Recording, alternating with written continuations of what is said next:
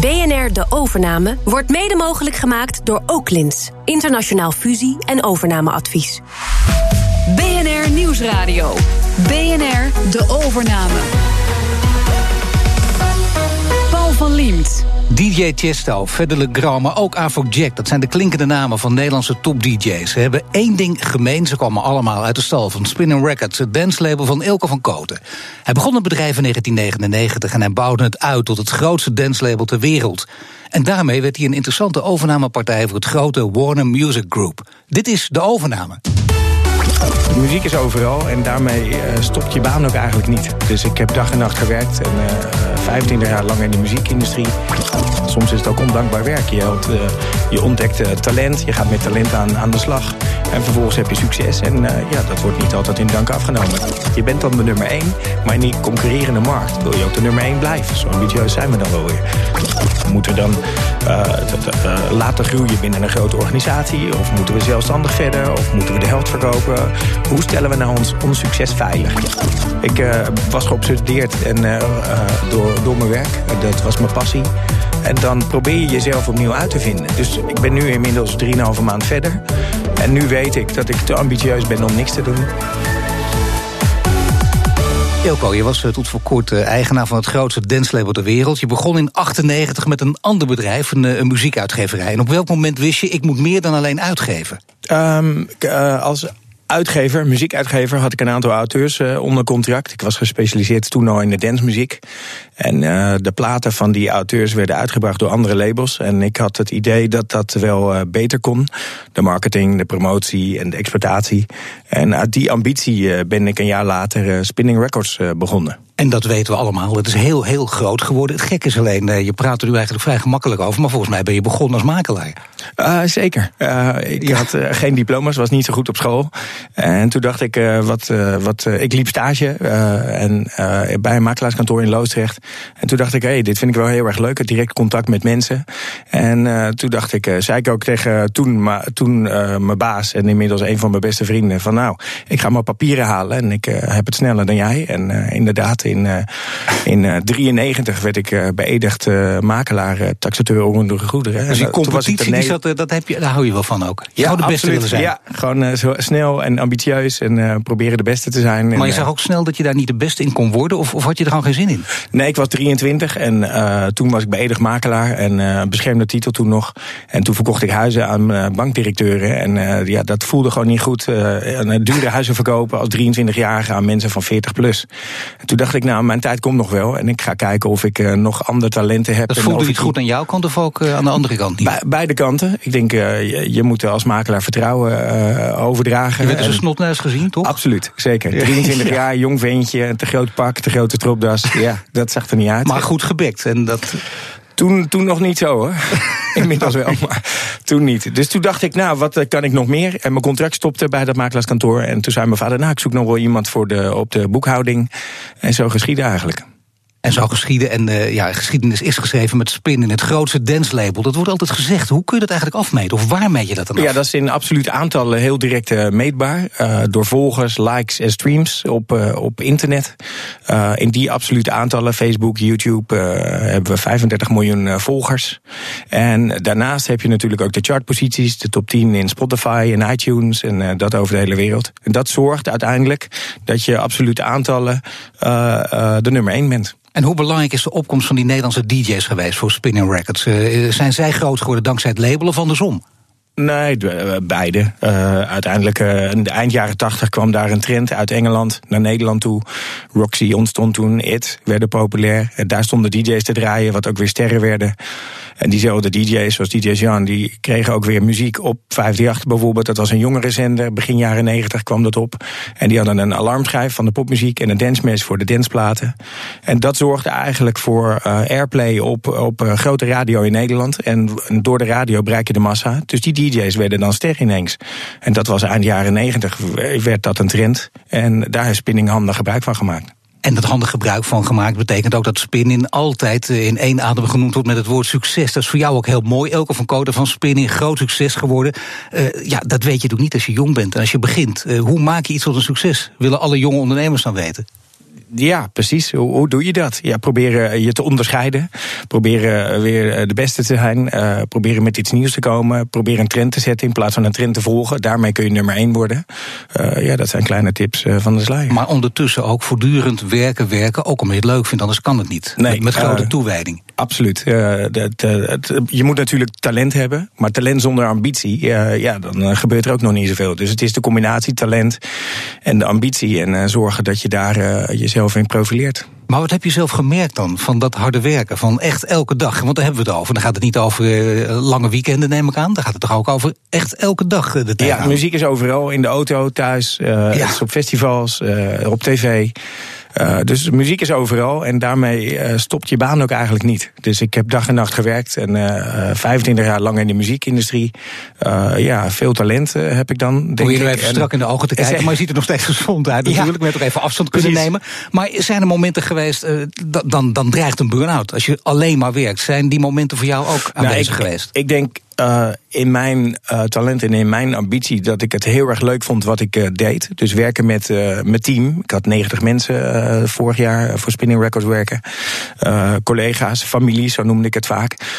ik ben dol op mensen, we werken met mensen. Dus dat met, met mijn team dus. En, en daarnaast ook mensen met, werken met mensen die muzikaal talent hebben. Dat zijn dan DJ's, auteurs of producers. En dat als je iets doet wat je heel erg leuk vindt, dan kost het ook geen moeite om heel hard te werken. Maar het kostte wel moeite om, om de vermoeidheid tegen te gaan. Wat, wat, wat, wat zijn de momenten geweest waarvan je dacht, nu wordt het me te veel? Nou, uh, in 2016 toen werd het allemaal wel veel. Waarbij je uh, de dancemuziek en internet, dat is super competitief. Het is heel transparant, dus iedereen weet alles van elkaar. Uh, je probeert elkaar de loef af te steken. Je probeert te werken aan nieuw talent. Je, je hebt met mensen te maken en soms ook ouders bijvoorbeeld, die het dan wat minder leuk vinden. en, en ja, dat harde werken en met je team, daar gaat niet altijd alles even goed. En, we hebben maar hoe merk je dat dan? Ik bedoel, zit je dan echt op de bank te trillen en je denkt, ik kan niet meer opstaan? Want dat, dan, nee, dan gaat dat, heb ik nooit gehad, dat heb ik nooit gehad. En dat, dat komt omdat ik mijn werk uh, toch uh, extreem leuk vind en vond. En uh, dus een burn-out heb ik nooit gehad. ook geen signalen daarvan. mede omdat ik met veel plezier naar mijn werk ging, bijna altijd. maar het was wel hard werken, ja. Maar er zijn dus wel momenten dat er iets gebeurt. Bijvoorbeeld uh, ouders, uh, artiesten. Uh, Martin Garrix is het bekendste voorbeeld natuurlijk. Ja, het is, het is heel erg leuk ben, je, ben je met een overname, we gaan ook over die overname van jou praten... want dat is ook een heel belangrijk moment in je leven geweest. Maar had het ook met Martin Garrix te maken, met de grote DJ? onderdeel nee. van jouw label? nee, niet, niet persoonlijk. En dat heeft ook de verkoop totaal niet in de weg gestaan. We doen twaalf platen per week, brengen we uit. Martin Garrix heeft in de carrière met Spinning Records 21 platen uitgebracht, totaal. Dus dat, dat is een, een, een druppel op een hete olieplaat. Uh, dus dat, dat speelde totaal geen rol. En uh, daar kun je ook duidelijk afspraken over maken met, binnen een verkoop. Net maar wel een juridisch gevecht natuurlijk met hem moeten voeren. En dat doe je niet voor niks. Ja, precies. En ik heb begrepen, eh, Spinning Records is ook weer in hoger beroep gegaan. Er is een gedeeltelijke uitspraak geweest en ze gaan in hoger beroep. Dus dat loopt nog en uh, daar heeft Spinning Records heel veel vertrouwen in. Laat ik, ik het zo zeggen, had dit gedoe voor jou ook te maken met, nou dan maar ervan af, ik heb er geen zin meer in? Nee, nee, niet alleen. het is wel zo dat het, ja, soms is het ook ondankbaar werk. Je, helpt, uh, je ontdekt uh, talent, je gaat met talent aan, aan de slag. En vervolgens heb je succes. En uh, ja, dat wordt niet altijd in dank afgenomen. Dat is, dat is de keerzijde van het succes. Dat je soms, ja, doe je dingen die je zelf heel leuk vindt. Maar dat wordt dan anders gewaardeerd aan de andere, andere kant. Ja, en met de andere kant bedoel jij Martin Garrix? Artiest en, in het algemeen. Ja, ja, Niet iedereen kan je naar het zin maken. Niet elke auteur is even tevreden. ja, je tekent de auteurs, er is een verwachting. je verwacht ook van een auteur dat een hit gaan produceren. Andersom verwachten ze dat we van die hit een hit maken. Ja, niet altijd lukt dat. En niet altijd kan je iedereen tevreden stellen. Dat is wel een ambitie en dat probeer je altijd. Maar dat, dat, ja, dat lukt niet altijd. In 2014 was je de allergrootste. Dat, toen voor het eerst. Wanneer dacht je aan de mogelijke verkoop van het label? Nou, niet in 2014, nee. Dat is pas later gekomen. In Engeland is in 2016 Ministry Sound verkocht. Dat was een groot danslabel. Uh, wereldberoemd, clubs, merchandise, uh, cd's. Daar waren, waren ze echt beroemd om. En dat werd verkocht aan Sony Music. En toen zeiden Roger en ik tegen elkaar van... wow, dat, uh, ja, dat is wel een interessante overname. En uh, wat betekent dat dan voor de markt? En, en Roger, dat was jouw eerste werknemer en daarna is hij, is hij je, je compagnon geworden? Ja, we zijn een lange uh, co-directeurschap geweest samen. Hebben de bedrijven gerund. En uiteindelijk, ik, ik, kon eruit stappen omdat Roger nog zin had om verder te gaan. En die zag weer nieuwe ambitie van oké, okay, dan, dan run ik die bedrijven in mijn eentje. Dus voor mij was het de ideale exit. Ik trad terug en hij heeft een tandje bijgeschakeld. Maar hoe vaak zijn er aanbiedingen gekomen? Wanneer ben je, hoe vaak ben je met andere nou, woorden in de verleiding gekomen? Vanaf 2012 hebben we om ons heen gekeken hoe we nou bijvoorbeeld zo'n grote markt als Amerika konden veroveren. En dat kan je dan doen vanuit Nederland, of dat kan je doen vanuit eh, Amerika met een lokale partner. Dus toen zijn we al uh, de wereld over gegaan, en met name in Amerika, om te kijken van nou, kan je nou een joint venture opzetten voor Amerika alleen? Of, uh, dus daar hebben we de markt bestudeerd en toen kwamen we eigenlijk in, tot de conclusie dat die Amerikanen snapten niet zoveel van de dancemuziek en, en de DJ's. En inderdaad, dat heeft ook lang geduurd tot volgens mij 2016 dat daar Marshmallow en Chainsmokers naar boven kwamen. Lokaal talent in Amerika. Maar we waren daar in 2012 al mee bezig om te kijken: oké, hoe krijgen we nou dancemuziek meer op de radio? Hoe krijgen we die, die DJ's nog meer op festivals en in de clubs? Uh, en, en toen hebben we eigenlijk gezien van ze snappen het niet, dus moeten we even ons plasje ophouden en dan zien we wel even hoe dat gaat. En proberen... Maar het gaat natuurlijk ook vaak om grote getallen. Ook al kun je je plasje ophouden. Kijk, als jij honderden miljoenen bijvoorbeeld in het uh, verschiet krijgt. En dan denk je misschien, nou, uh, dan ja, daar hebben we daar niet over gesproken. Ze, ze snapten gewoon niet zo goed wat we aan het doen waren in 2012. Maar hoe vaak, hoe vaak, is uh, bij jou de verleiding geweest? Uh, de verleiding letterlijk van het grote geld uh, nou, kijk, heel groot geweest? In 2012 wilden we wel een samenwerking aangaan met een Amerikaanse partner om die grote markt met 250 miljoen mensen om die te veroveren. Ehm, maar geld hadden we niet nodig. We hadden echt een lokale setup nodig met lokale mensen die naar de radio gaan en die social media doen en, en die PR doen voor ons lokaal in Amerika. Dus we hadden wel een setup nodig, maar we hadden niet per se een investering nodig in geld om die markt te veroveren overname om groter te worden, internationaal groter te worden. Precies, dat was niet maar onze motivatie. Uh, ben je dus uh, uit je bedrijf gestapt. Dan gaat het over een andere overname. De overname waar ik in het begin van dit gesprek over had. Dat is natuurlijk een enorme stap ook. Gaat het dan ook om het geld? Of speelt dat altijd secundair rol? Nee, kijk, door, door die overname van Ministry of Sound door uh, Sony Music hebben we gedacht: oké, Spinning Records, uh, we hebben net een reorganisatie gehad, we hebben 90 mensen, we werken met heel veel artiesten. Hoe ziet de toekomst eruit voor Spinning Records en, en voor die artiesten?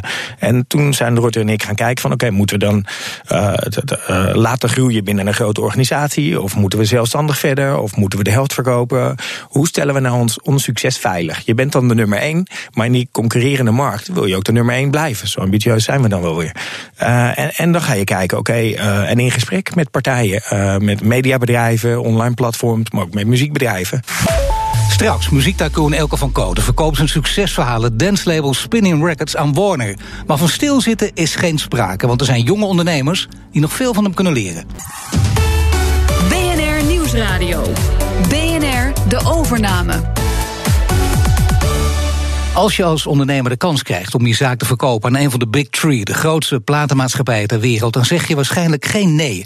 Maar wat betekent dat voor het bedrijf dat hij in 25 jaar uitbouwde tot wat het vandaag is? En hij is Eelco van Koten, de man van Spinner Records, met DJ's die verbonden zijn aan het label en verantwoordelijk voor, voor veel hits. Kun je een paar grote hits noemen die veel mensen die nu luisteren misschien ook bekend de oren voor Detroit van uh, Fedder Legrand, Take Over Control, Afrojack, Bingo Players, Rattle, uh, Oliver Heldens, Gecko. Martin Garrix, Animals. Uh, Martin Solveig, uh, Intoxicated. Nou, maar Robert, blijven een uur bezig. Maar moet je kijken wat een rijke muzikale erfenis. Uh, ben je niet een beetje bang dat Warner daarmee aan de haal gaat? Nou, dat was juist de bedoeling. Zij, zij hebben er weer andere plannen mee om, om uh, spinning uh, verder te laten groeien als zelfstandige unit binnen, binnen Warner Music. En daarnaast, als je dan zo'n grote radiohit hebt. Kijk, spinning was altijd afhankelijk van lokale partners. We hadden niet in elk land van de wereld een eigen kantoor. Dat heeft Warner wel. Dus als je zo'n radiohit hebt, en dat ontstaat dan in Nederland en in Duitsland, dan kunnen zij naar tien landen tegelijk naar de radio. Dat is hun voordeel. Nu gebeurt er iets, uh, iets heel groots met jou. Een jaren hard werken, eh, met plezier hard werken, met, met leuke mensen, met, met muziek waar je gek op bent. Geef je het stokje over aan iemand anders, een goede vriend van je, daar heb je alle vertrouwen in. Maar zelf, uh, ja, het is een enorme cliché natuurlijk, maar toch het zwarte gat, waar iedereen het altijd over heeft. Ja. Daar zul je ook over gesproken hebben. Wat heb jij gedaan om dat te voorkomen? Uh, ja, uh, eerst werk je keihard om het uh, bedrijf op te bouwen. En vervolgens heb je, ga je een reorganisatie door. En dan ga je ook nog eens verhuizen met het bedrijf. En dan ben je heel druk met het bedrijf. Daarnaast ga je dan een verkooptraject in, wat heel intensief is. 100 vragen per dag van due diligence. En dat, ja, dat gaat dan allemaal heel erg goed. En dan ineens, op 7 september, dan, dan draag je de aandelen over. En vervolgens word je vrijdagmorgen, 8 september, word je wakker. Dat je denkt, wow, fuck, wat heb ik nou gedaan? Ja. En ja, dan, dan kom je tot de conclusie van uh, ja, eh, je moet jezelf opnieuw gaan uitvinden. Dat had ik al een beetje onderweg uh, bedacht de laatste maanden. Van oké, okay, hoe ziet het er dan uit? En ik dacht, nou, dat ga ik ervaren en dat ga ik voelen als het zover is. Dus die 8 september, ja, dan, dan, ja, dan ga je eens denken van shit, wat, wat ga ik doen? En uitslapen. En, maar ja, dat is. Dus de eerste twee maanden was gewoon heel lastig. leuke dat dingen heb je doen wel gedaan. Vrienden. In het begin is het wel, ja, leuke dingen doen, maar dat werk is toch leuk? Precies, en dat, dat, dat was mijn leven eigenlijk. En dan in één keer valt dat weg. Uh, en ik had wel onderweg bedacht van ik wil mezelf uitvinden. Ik uh, was geobsedeerd en, uh, door, door mijn werk. Dat was mijn passie. En dan probeer je jezelf opnieuw uit te vinden. Dus ik ben nu inmiddels drieënhalve maand verder. En nu weet ik dat ik te ambitieus ben om niks te doen. en, en ik praat weer met jonge ondernemers. Ik, ik probeer weer nieuwe ideeën. Maar weet je ideeën. wat je nu zegt? Dat is een heel korte tijd. Hè? Een paar Ja. maanden maar. Er zijn, er zijn mensen die, die ook in deze serie geweest. Die zeiden, we hebben er jaren voor nodig Ja, gehad. dus of ik- die de spijt als haar op hun hoofd dat ze dit Nee, gedaan ik heb, hebben. ik heb absoluut geen spijt. Ik, eh, Kijk, wat ik mis is het contact met mijn team en met mijn familieleden en eh, van, van Spinning Records. Dat, dat mis ik. Uh, maar het hele harde werk en het idee hebben dat je, dat je werk nooit afkrijgt, dat mis ik absoluut niet. En op zondagavond die extreme stress, dat je weer de hele week moet voorbereiden. Dat heb ik nu niet. En ik, eh, ik heb nu meetings overdag. Uh, ik ben bezig met Roerend Goed. Ik probeer weer nieuwe opportunities te bekijken. En, en, dus Maar ik, geen ik last van een bore-out, hè? want dat kan natuurlijk ook komen. Zeker niet. Dus de eerste twee maanden was ik redelijk in de war van... oké, wat gaan we nu doen en hoe ziet dat er dan uit? Echt voelen. En toen kwam ik tot de conclusie van... nou, weet je, ik, ik ga niet niks doen. Ik ben te ambitieus. Ik vind het leuk, contact met mensen. Voordat Dus precies wil weten wat wat, aan- wat, je nu doet. hè. Je hebt natuurlijk ook te maken gehad, eh, lijkt mij, eh, in je leven met eh, persoonlijke contacten. Je noemt de spin in je familie. Maar heb je ook eh, heb je een vrouw gehad? Heb je een man of relaties? Nee, jaren, ik ben nooit getrouwd geweest. Ik heb een stiefdochter waar ik heel eh, trots op ben. En inmiddels eh, ben ik alweer een half jaar of, of bijna een jaar vrijgezel. En ja, dat, dat maar mag is ik dan- weten of dat ermee te maken had? Bedoel, had, had die hele strijd wel of niet overnemen, hard werken, wel of niet ook te maken met het einde van de relatie? Ja, mijn ervaring is dat, dat ik voor mijzelf, maar persoonlijk, is dat ik niet alles tegelijk heel goed kan doen. Dus ik, ik heb mijn werk heel goed willen doen. En daar is mijn relatie wel aan, eh, aan gesneuveld. En eh, ja, dat, dat, dat is helaas hoe het is. En nu heb ik daar weer tijd en ruimte voor om, om dat weer op te pakken. Nou, ook een les voor mensen die hier druk mee bezig zijn. Eh, dat, dat betekent met het altijd voortdurend overleg hebben. Thuisfront moet volledig begrip hebben voor, Ja, dat- voor de man die hard aan het dat is in dit geval. Dat is tot nu toe bij mij niet goed gelukt, helaas. Eh, ja, dat is wat het is. Eh, anderen kunnen dat wel. Daar is dan wel balans. Dat, dat heeft bijvoorbeeld persoonlijke zaken, maar wat, wat is goed lukken? Wat, wat bedoel je met goed lukken? Nou, om gelukkig te worden in de liefde en om daar een gezin eh, te hebben en een relatie te hebben en kinderen te onderhouden. En, Als ja, je dat- dit werk doet, dat jij doet, kun je dan, heb, heb je dan wel tijd voor een relatie? Althans, Nou letterlijk. ja, dat moet mogelijk zijn. Ik heb, het alleen nog, ik heb het alleen nog niet zo kunnen ervaren. Dat ik en relatie heel goed kan doen en mijn werk heel goed kan doen. En dat, ja, dat was mijn voortdurende strijd. maar je wilt en- zeggen, Roger, jouw vriend, die kan het wel? Ja, die heeft twee kinderen. Zijn dochter is even oud als Spinning Records. Waar ik natuurlijk fantastisch heel, heel trots op ben. En hij heeft een hond. En hij, ja, hij is heel gelukkig. En kan wel die balans vinden. En ik heb dat gewoon niet kunnen vinden tot nu toe. Maar goed, eh, ik, ben nog, ik ben 47. Ik voel mezelf nog jong. Nee, dus ik wou net wie- zeggen, het is geen, tijd voor psychiater. En dat bedoel ik niet, niet als grap, maar serieus. Dat zou natuurlijk wel belangrijk kunnen zijn om even goed in de spiegel te kijken. Ja, dat zijn de offers, denk ik, voor mezelf. Mijn persoonlijke offer wat ik heb gebracht onderweg. Waar ik niet trots op ben, maar dat is wel hoe, hoe, ik, eh, hoe het is. Heb je ooit met een eh, eh, psychische hulp gehad of met iemand gesproken? Die, ik die heb een mental coach al vijf, zes jaar. En die helpt me zakelijk en met eh, vraagstukken. Hoe ga je daarmee om? Kijk, zo'n mental coach, ik heb een hele goede, die heeft alle boeken gelezen over ons en de situaties die we meemaken. Er is een boek over geschreven. Zo'n mental coach is dan de rol om snel zo'n boek uit die kast te halen met: oké, dit is de situatie en dit is de oplossing. En heeft de En- mental coach ook eh, mede geadviseerd in wel of geen overname doen? Uh, nee, dat is mijn een zakelijk gevoel geweest. En, en kijken naar de markt. Kijk, een mental coach is voor mijn persoonlijke ontwikkeling. Op zakelijk niveau, maar ook op privé niveau. En daar heb ik uh, veel steun aan. Maar bij jou hangt het heel direct samen. Natuurlijk, maar bij jou hangt het direct samen. Je zegt ook, het is belangrijk om mezelf uit te vinden. Heb je een paar keer gezegd ook in dit gesprek. Ja. Daar speelt zo'n mental coach dan wel een rol in, of niet? Ja, zeker. Ja, nou, kijk, uh, je kan. Kijk, ik ben heel ambitieus. Dus ik wil snel leren, ook van mezelf. En ook van die boeken die dan in die kast staan. Zo, zodat ik snel weer verder kan. Um, en daar is zo'n mental coach heel erg goed in. Om, om situaties te schetsen, om te spiegelen. Zodat je inzicht krijgt en zodat je daarna kan handelen. En wat waren de opties voor jou? Voor de verkoop bedoel je? Nee, voor, voor jezelf opnieuw uitvinden. Voor wat je, wat je nu gaat doen voor de komende maanden, de komende jaren. Wat, wat je met je leven gaat doen. Nou, nu, nu kijk, dat, dat, ja, daar is een mental coach die, die is meer over de situaties. Uh, dit is meer een gevoel waar ik nu in zit. Van oké, okay, wat ga ik doen? Wat vind ik leuk? En, en waar word ik blij van? En dat, dat is iets wat ik zelf moet ervaren. Maar jij wordt niet blij van elke dag op de golfbaan staan. Dat is wel duidelijk nee, in dit gesprek. Maar jij wordt van hele andere dingen blij. Waar stop je nu vooral je tijd in? Nou, ik heb, uh, dat heb ik bij RTL Late Night ook gezegd. Ik heb een, een e-mailadres, vragenapenstaatje En daar kunnen jonge ondernemers die al een aantal jaren bezig zijn... dus niet mensen met een goed idee, maar meer ondernemers, dus die al een paar jaar bezig zijn, die dan vragen hebben over visie, over organisatie of over financiële vraagstukken. Daar kunnen ze hun vragen naartoe sturen en dan nodig ik ze uit als ik het leuk vind en als het onderwerp me aanspreekt. En dan ga ik met ze in, in, in gesprek dus en, dan geef ik ze, en dan geef ik ze advies. En ik wil ze daarin, kijk wat ik onderweg, ik heb het allemaal zelf moeten leren.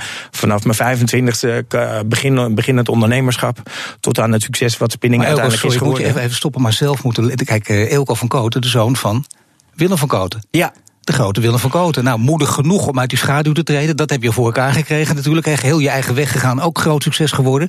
Maar dan had je toch ook een hele mooie coach thuis, zou je denken? Ja, dat zou je denken. Uh, hij heeft me geholpen om te zeggen, kom bij mij op de administratie werken. En vervolgens heb ik me die administratie eerst op de uitgeverij, daarna op zijn label. Heb ik dat heel snel mijn eigen gemaakt.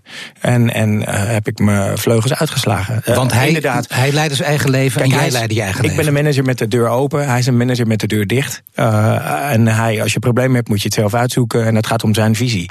In mijn geval probeer ik juist anderen te stimuleren en te begeleiden om hun talent verder te ontwikkelen. Uh, dat is een hele andere insteek. Hij is een solist. Ik ben veel meer een teamplayer. Dus ik, ik ben mijn vader dankbaar dat ik daar ooit ben begonnen op de administratie. Maar uiteindelijk heb ik het allemaal zelf moeten leren. Weet jij nu, uh, bijna als rode draad, uh, wat je kunt leren aan deze jonge ondernemers, waar je tot nu toe mee gesproken hebt? Want het zijn er nogal wat geweest van de afgelopen weken. Nou, het instinct bijvoorbeeld, uh, zakelijk ondernemerschap, contracten, netwerken, weten wat je sterkte zijn en je zwaktes en daarmee op anticiperen, organisatieproblemen oplossen ja, je praat een ervaren zakenman, ondernemer. Maar dit leidt ook misschien wel tot een theatercollege. Ik noem maar wat. Dat zou ook kunnen. Als ik jou zo zie en hoor praten, dan denk ik dat zou ook kunnen. Dan kun je ook een, een zaal van maken en tegen de zaalondernemers dit roepen. Doe je dat ook nu of niet? Ja, ik ben bij Quote Talks geweest. Ik ben bij Business Boost geweest. En dan vind ik het. Ik krijg energie van de zaal en de vragen uit de zaal. En ik hoop dat ik uh, anderen kan inspireren tot ondernemerschap. Maar je barst van de energie. En nog steeds. Want hoe oud ben je? Ik ben 47. Nou ja, moet je kijken. Dan weet je er nog 40 jaar gewoon van alle leuke dingen ik mag het hopen. Ja. Kun je iets prijsgeven? Want dit is één onderdeel van je leven. Maar wat, in welke richting zoek je het nog meer? Nou, ik, ik, was dus de jongste beëdigmakelaar van Nederland. Dus onroerend goed vind ik heel erg interessant. Mooie dingen kopen en, en dat eh, veiligstellen. Ja, nu voor, kan het wel natuurlijk. Voor generaties. nu word je serieus ja, genomen. Nou, de laatste 10, 15 jaar had ik al ja. een aardige onroerend goed portefeuille opgebouwd. En, en ja, dat, dat vind ik heel erg leuk. Ik krijg ook geen stress van onroerend goed. Want ja, dat is een pand en als het lekt, ja, dan ben je loodgieter. Maar da, daar krijg ik geen stress van op zondagmorgen. Uh, dus dat vind ik heel erg leuk. En verder wil ik uh, ondernemen met jonge ondernemers. Uh, en hoe dat eruit ziet, ja, er lopen gesprekken. En, en, en dat, dat is weer een variëteit aan, aan verschillende dingen. Een restaurantketen, uh, misschien weer in de evenementenbranche. Maar een restaurantketen, van... daar ben je ook al mee bezig of niet? Nou, dat zijn dan mensen die naar je toe komen voor advies. En, en dan kijk ik mee en dan denk ik, oh ja, hier zit potentie in. Of dit is wel heel erg leuk. En nog iets heel anders. Uh, al die verhalen die je hebt meegemaakt. Uh, kun je er een boek over schrijven? De bedoeling is uh, dat Rutter en ik samen een boek gaan schrijven. En dat dat van de zomer in de winkel ligt. Daar ben je nu al mee bezig? Ja, dat doet een ghostwriter of dat schrijven jullie zelf? Nee, dat, ik ben niet zo handig met schrijven. Uh, ik kan wel heel goed vertellen, dat uh, is duidelijk inmiddels. ja. um, nee, dus we, we, hebben een, iemand benaderd die boeken schrijft. En daar gaan we samen een boek mee schrijven, het spinningboek. Uh, Roger en ik hebben zoveel verhalen te vertellen en meegemaakt. het is 18 jaar spinning is voorbij gevlogen. Maar heb je bij de overname niets hoeven ondertekenen over, over een mogelijk boek? Dus een boek wat je echt gaat schrijven, nee, nee, nee, wat, dat, wat je wel en niet dat, mag vertellen? Nee, dat is het, nee, er zijn geen geheimen binnen spinning en, en alles ligt op straat. Dus, dat, ja, dat, het is een mooi verhaal. alleen de verhalen van Roger en, en mezelf van onderweg en in het buitenland. En de leuke dingen of de minder leuke dingen. Ja, dat, dat is boeiend, denk ik, om, om te lezen. En spinning is een succesverhaal. En, en we hopen dat we dat kunnen delen met de wereld op die manier. Ja, dan hebben we nog een vraag van de ondernemer die we vorige week te gast hadden. Dat was Christel Groeneboom van containerbedrijf Containerservice C Groeneboom. Zij heeft een vraag voor jou, Ilko. Mijn vraag is, ja, wat zou u doen als u aan de receptie zou staan van een containerbedrijf... en je ziet een jonge vrouw? Wie denkt u dan dat dat is? Ja, goede vraag, hè? Zij staat er, een jonge vrouw, directeur van een containerbedrijf, dat is ze. Maar jij ziet die jonge vrouw er staan, een groot containerbedrijf, alleen maar mannen werken. Wie denk je dan dat die vrouw is? Uh, nou, niet denk ik de oprichter of, of de oud-eigenaar. Nee. Uh, dat verwacht je niet binnen, eh, binnen een containerbedrijf. Precies, dat, dat verwacht je dan niet. Nou, en daar heeft zij er weer een boek over geschreven. Dan mag jij op jouw beurt een vraag stellen aan de gasten hier volgende week zit. Wat wil je van hem of haar weten? Wat is nou het, uh, het allerleukste wat je hebt ervaren tijdens de verkoop? En wat is dan het, het minst leuke wat je hebt ervaren tijdens de verkoop? Ik dank je voor dit gesprek. En dit was de overname met muziektacoon Eelco van Koten. De uitzending is terug te luisteren via bnr.nl slash overname, de BNR-app of stream ons via iTunes of Spotify. BNR De Overname wordt mede mogelijk gemaakt door Oaklins. Internationaal fusie- en overnameadvies.